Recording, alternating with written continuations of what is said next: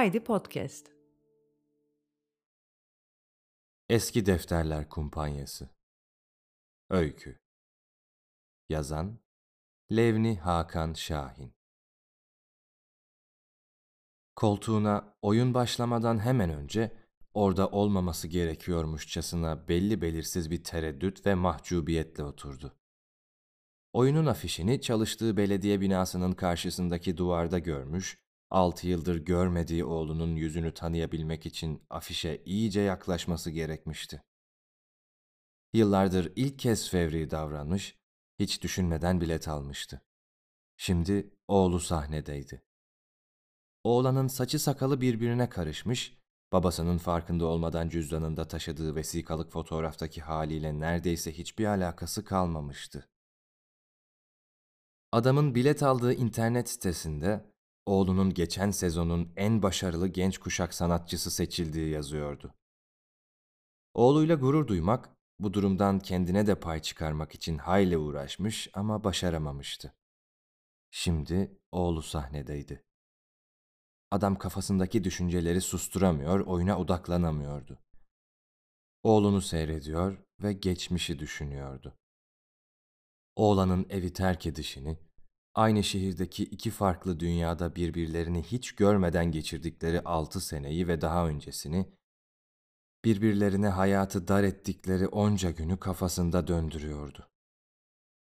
Sonra daha da öncesini, tam 24 sene öncesini, o genç kadının hamile olduğunu söylediği, bugüne kadar yüzlerce kez tekrar yaşadığı o anı düşünmeye başladı ve bir kez daha vakur bir kararlılıkla aynı sonuca vardı. Sahnedeki oğlanın doğuşu hayatını büsbütün mahvetmişti. Şimdi onun için yaptığı fedakarlıklara hiçbir zaman minnet duymayan, uğruna hayallerinden vazgeçtiği bu çocuk sahnedeydi. Bazen bir böceği veya bir kuşu seyrederken aniden sarsıcı bir aydınlanma yaşayacağım hissine kapılıyorum, dedi oğlan. Dördüncü sıranın sağ köşesine takılan gözlerine inanmamaya çalışırken uzun bir es verdi. Şaşkınlığını rolüne yedirmeye çalıştı ve sözlerine devam etti. Olmuyor tabii. Bilakis su bulandıkça bulanıyor. Konuştukça konuşuyorum ben de. Bir başkasını, tüm bunların yaşamak falan yani, ne demek olduğunu bildiğime ikna edebildiğimde rahatlıyorum bir süre. O seyrettiğim kuşlar uçup gidiyor. Hatta bazen böcekler de uçuyor, şaşırıyorum her seferinde. Böcekler uçmamalı bana kalırsa. Oyundan çıkan seyircilerin binanın önünde oluşturduğu kalabalık büyük ölçüde dağılmıştı. Adam verdiği her nefeste ağzından çıkan buharı seyrediyor, oğlanın dışarı çıkmasını bekliyordu. Havanın erkenden kararmasına hala alışamamıştı. Oğlanın yanında elbet birileri olur diye düşündü. Beş dakikan var mı diye sorar, kenara çekip tebrik ederim. Ben potansiyelimin altında ezildim, sen ezilme, derim. Soğuktan çenesi titremeye başlamış, düşünceleri bulanıklaşmıştı. Kısa ve kararsız adımlarla ayaklarının altındaki karlara ezerek yürüyor, kendi etrafında dar bir çember çiziyordu. Üzerinde düşündükçe oğlanın muhtemel tepkileri daha da acımasızlaşıyordu. Oğlan rol arkadaşlarıyla birlikte binadan çıkıp kendilerini bekleyen arabaya doğru yürürken boynunu uzatıp binanın seyirci çıkışına doğru baktı. Babasını orada göreceğini umuyordu. Babası ona yakınlaşmaya çalışacak, o da her şey için çok geç olduğunu söyleyecekti. Sonra sakinliğini korumaya özen göstererek vitesi arttıracaktı. Kendi aptallığının suçunu benim üstüme yıktın. Kendi tatminsizliklerinin acısını benden çıkardın. Şimdi git boktan hayatını yaşamaya devam et, diyecekti. Yıllardır içinde sakladığı özenle seçilmiş sözcükleri babasının yüzüne bir bir fırlatacaktı. Kimseyi göremedi. Bir süre daha etrafa baktıktan sonra hayalini kurduğu zevki tadamayacağının farkına vardı ve arka koltuğunda hali hazırda üç kişinin oturduğu alçak tavanlı arabaya sığıştı. Araba hareket eder etmez ''It's time to party!'' Diye bağırdı ön koltuktaki kız. Telefonunu arabanın ses sistemine bağladı ve müziği başlattı. Oğlan arkadaşları gülüp eğlenirken cama kafasını yaslayıp kendi kendine bir şeyler mırıldandığını fark edip düşüncelerinden sıyrıldı ve ''Ezgi de geliyor mu?'' diye sordu. ''Oğlum zaten ezgilere gidiyoruz.'' dedi direksiyondaki arkadaşı. Kafasını kaldırıp dikiz aynasından garip bir bakış attı oğlana. Yolculuğu sol arka koltukta oturan arkadaşının kucağında geçiren kız heyecanla bağırdı. ''Dur dur dur sağa döneceğiz buradan.'' Ezgi kapıyı açtı ve gelenleri derhal banyoya yönlendirdi. Ellerinizi yıkayın öyle gelin, dedi ve salona, öteki konuklarının yanına döndü.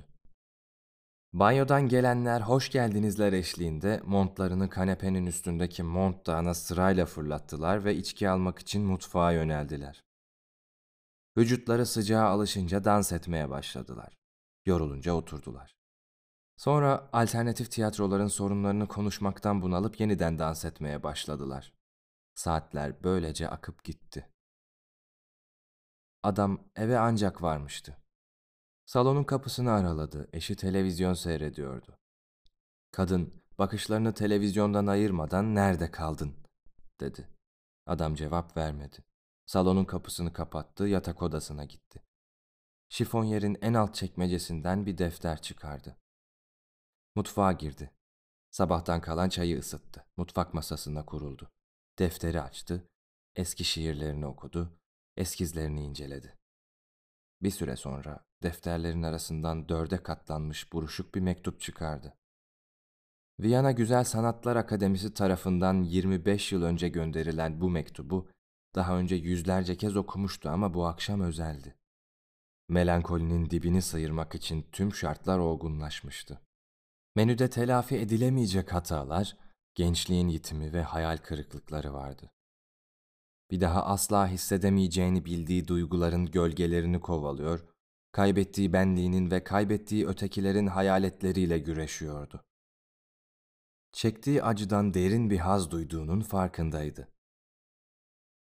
Deneyiminin sekteye uğramayacağını, eşinin televizyon karşısında uyuyakalacağını bildiğinden içi rahattı. Oğlan Ezgi'nin bir süredir salonda olmadığını fark etti. Koridora çıktı. Yatak odasından gülüşmeler geliyordu. Temkinli bir şekilde kapıya yaklaştı. Bir süre kulak kabarttıktan sonra kapıyı tıklattı, içeri girdi. Ezgi ve birkaç arkadaşı daha Ezgi'nin yatağında oturuyorlardı. Gel gel, dedi bir tanesi. Sigarayı oğlana uzattı. Oğlan az önceki kahkahalarını duyduğu insanların o anki uzun sessizliğinin kendisiyle bir alakası olduğunu düşündü. Gözleri kaşınmaya başladı, burnu tıkandı. Ezgi'nin yastıkları yün olmalı diye düşündü. Durmaksızın kıvırcık saçlarıyla oynayan gözlüklü çocuk, ya bu sizin oyunda kısa bir tirat var diye lafa girdi. Hani aydınlanma bekliyor adam, su bulanıyor falan. Çocuğun tepki beklediği gergin geçen birkaç saniyenin ardından "E" dedi biri. Yazar bir anda gelen sarsıcı aydınlanma derken edebiyattaki epifani muhabbetine gönderme yapıyor. James Joyce'un karakterleri mesela hep epifani yaşar. Aslında epifani Hristiyanlık inancına göre doğudan gelen üç müneccim bebeğin... Oğlan araya girdi. Ezgi'ye bakarak. Bana bir poşet getirir misin lütfen? Büyük olsun. Ayağa kalkamayacağım, kötüyüm, dedi. Ezgi hemen fırladı. Demin sözü kesildiği için hayli bozulan çocuk, nefes al abi, nefes almayı unutma, dedi. Ezgi elinde ufak bir poşetle telaş içerisinde geri geldi. Bunu bulabildim deyip poşeti uzattı. Oğlan kafasını poşetin içine soktu. Poşetin dibindeki bira kapağıyla baş başa kaldı. Oğlan öğürmeye başlayınca odadakiler yavaş yavaş salona yöneldiler. Ezgi oğlanın başında bekliyordu. Poşet doldu, oğlanın içi boşalmadı. Bir yandan kusuyor, bir yandan özür diliyordu. Sorun değil, dedi Ezgi. Oğlan kafasını kaldırdı. Bitti, dedi. Ezgi gitti, temizlik malzemeleri ve birkaç küçük poşet getirdi. Ne yapacağız, dedi oğlan.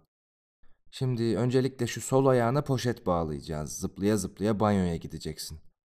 Duş al istersen. Temiz havlu getiririm ben sana. Oğlanın ayağına bir poşet geçirdi ve parkedeki kusmuğu temizlemeye başladı. Ne olur bırak ben temizleyeyim, Çok mahcup hissediyorum. Ne olacak canım? İnsanın kendi kusmuğunu temizlemesinden iyidir. Adam saate baktı. Altıya on vardı. Dün işten çıktığından beri üstünü değiştirmemişti. Masadan kalktı, koridordaki aynaya baktı. Gömleği çok da kırışmamıştı. Ayakkabılığın üzerinden anahtarını aldı, evden çıktı. Yan sokaktaki börekçiye oturdu. Ağır ağır kahvaltı yaptı. Parayı masanın üstüne koydu. Yarım kalan sigarasını küllükte bıraktı, kalkıp işe gitti. Oğlan saçlarını kuruttu, hazırlandı. Kanepenin üzerindeki mont dağından kendininkini bulup çıkardı. Henüz bir köşede sızmamış olan birkaç arkadaşıyla vedalaştı. Ezgi ayakkabılığın yanında bekliyordu. Çok teşekkür ederim her şey için. Lafım olur, kendine iyi bak. Oğlan caddeye çıktı. Burnu açılmıştı. Nereye gittiğini bilmeden yürümeye başladı. Kendi kendine durmaksızın aynı cümleyi tekrarlıyordu. İnsanın kendi kusmuğunu temizlemesinden iyidir.